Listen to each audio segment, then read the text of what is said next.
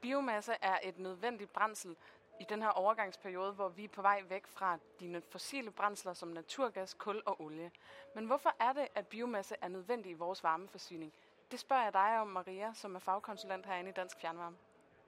Den her energikrise har virkelig vist, hvor vigtigt det er at have rigtig mange forskellige teknologier og kunne producere både el og varme på. Og der har biomassen også haft en rigtig, rigtig vigtig rolle for også at være med til specielt at holde fjernvarmepriserne øh, nede i forhold til, hvis man kun har haft øh, gas. Og biomasse har jo netop også været den her ret vigtige trædesten væk fra de fossile brændsler på øh, de store kraftvarmeværker og de decentrale kraftvarmeværker, og har været med til at gøre, at vi har kunne komme et skridt tættere på at blive øh, klimaneutrale i 2030. Biomassen har været under en del kritik øh, i medier og fra, øh, fra interesseorganisationer. Hvad lyder den her kritik på, og kan du belyse, hvorfor det er, at ja, det de kritiserer? Og, og, ja. En af de største kritikpunkter er nok det her på, om man kan tillade sig at kalde øh, biomasse for vedvarende energi og CO2-neutral energi, fordi at når man afbrænder biomasse, så kommer der jo CO2 ud af skorstenen. Hele grundlaget for, at, at man kan gøre det her, det er jo, at for det første, at den biomasse, vi bruger i Danmark, den kommer fra skove, hvor der er en større tilvækst af træer, end, end det, der ligesom bliver taget ud. Så kulstofpuljen i, øh, i skoven, den vil enten være stabil eller stigende. Og det er det, der er med til at gøre, at vi kan kalde biomassen for CO2-neutral. Det næste det er det her med, om jamen, bliver skovene ryddet udelukkende med det henblik på, at biomassen skal bruges til, træpro, eller til, øh, hvad hvad det, til energiproduktion.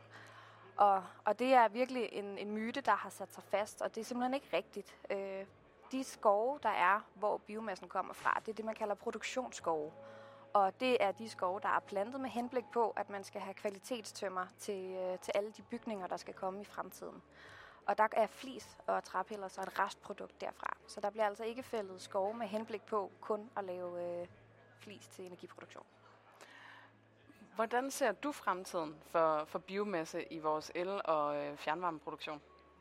Jeg ser, at vi stadigvæk vil have en del biomasse i fremtiden. Øhm, biomasse er, er det øh, brændsel, der har erstattet kul og olie, som er et lærbart, øh, øh er en lærbar energi. Og det kan man sige, at det er biomasse også. Og det vil sige, når vi kommer i situationer, hvor solen ikke skinner og vinden ikke blæser, så har vi stadigvæk behov for at kunne varme vores hus op og kunne tænde for stikkontakten og få strøm og kunne lave mad. Øhm, og der har du så biomasse, som er, er lærbart, du så kan benytte. Og der kan man jo så sige, jamen du har både halm, som er primært er dansk produceret, så har du flis, som både er dansk og importeret, og så har du træpiller, som man også kender fra, øh, fra den almindelige danskers øh, lille træpillefyr. Så, øh, så biomasse har den her vigtige rolle stadigvæk for at kunne sikre forsyningssikkerheden i Danmark. Og hvordan, altså, hvordan vil det ligge øh, biomassen i fremtiden, når vi skal bruge det som en, ja, til at varme op og øh, lave el? Kommer det til at være på samme niveau? Altså kommer vi til at bruge lige så meget, som vi gør nu? På nuværende tidspunkt, der ligger rigtig meget af biomassen i det, man kalder grundlast. Og det vil sige, det er simpelthen den last, der kører allerflest timer på hele året. Og det er fordi, det er den, der har været inde og erstatte blandt andet kul. I fremtiden, når der kommer andre teknologier og billigere teknologier, så vil man langsomt se, at biomassen den vil flytte sig fra det, man kalder grundlast til næste niveau, som er mellemlast. Og det er typisk det, man bruger, når det bliver rigtig, rigtig koldt, og altså hele vinterhalvåret.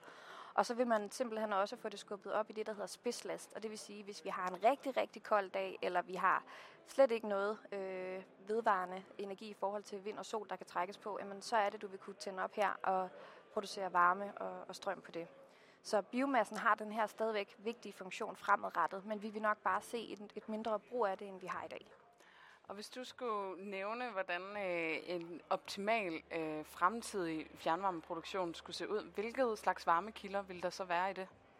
Vi vil jo have en bred palette at kunne trække af. Der er øh, overskudsvarme er jo kanon vigtigt at, at få med i i fjernvarme, fordi at den grønneste og mest bærebare, øh, bæredygtige energi, det er jo den, der ikke bliver produceret. Så det er lige til højre benet at bruge det. Og der vil man blandt andet også kunne tage overskudsvarmen for de kommende PTX-anlæg, hvis man, hvis man placerer dem strategisk korrekt. Øhm, og det vil kunne fylde rigtig godt, og det samme med datacentre. Så vil man se øh, mere geotermi, altså varme fra jordens indre, der vil, blive, øh, der vil blive benyttet sammen med varmepumper, både i forhold til luft til vand, men også med, med andre. Altså, vi har også nogle havvandsvarmepumper på vej. Man vil også se biomassens rolle, man vil se mere solenergi, og man vil også begynde at se andre lagerløsninger.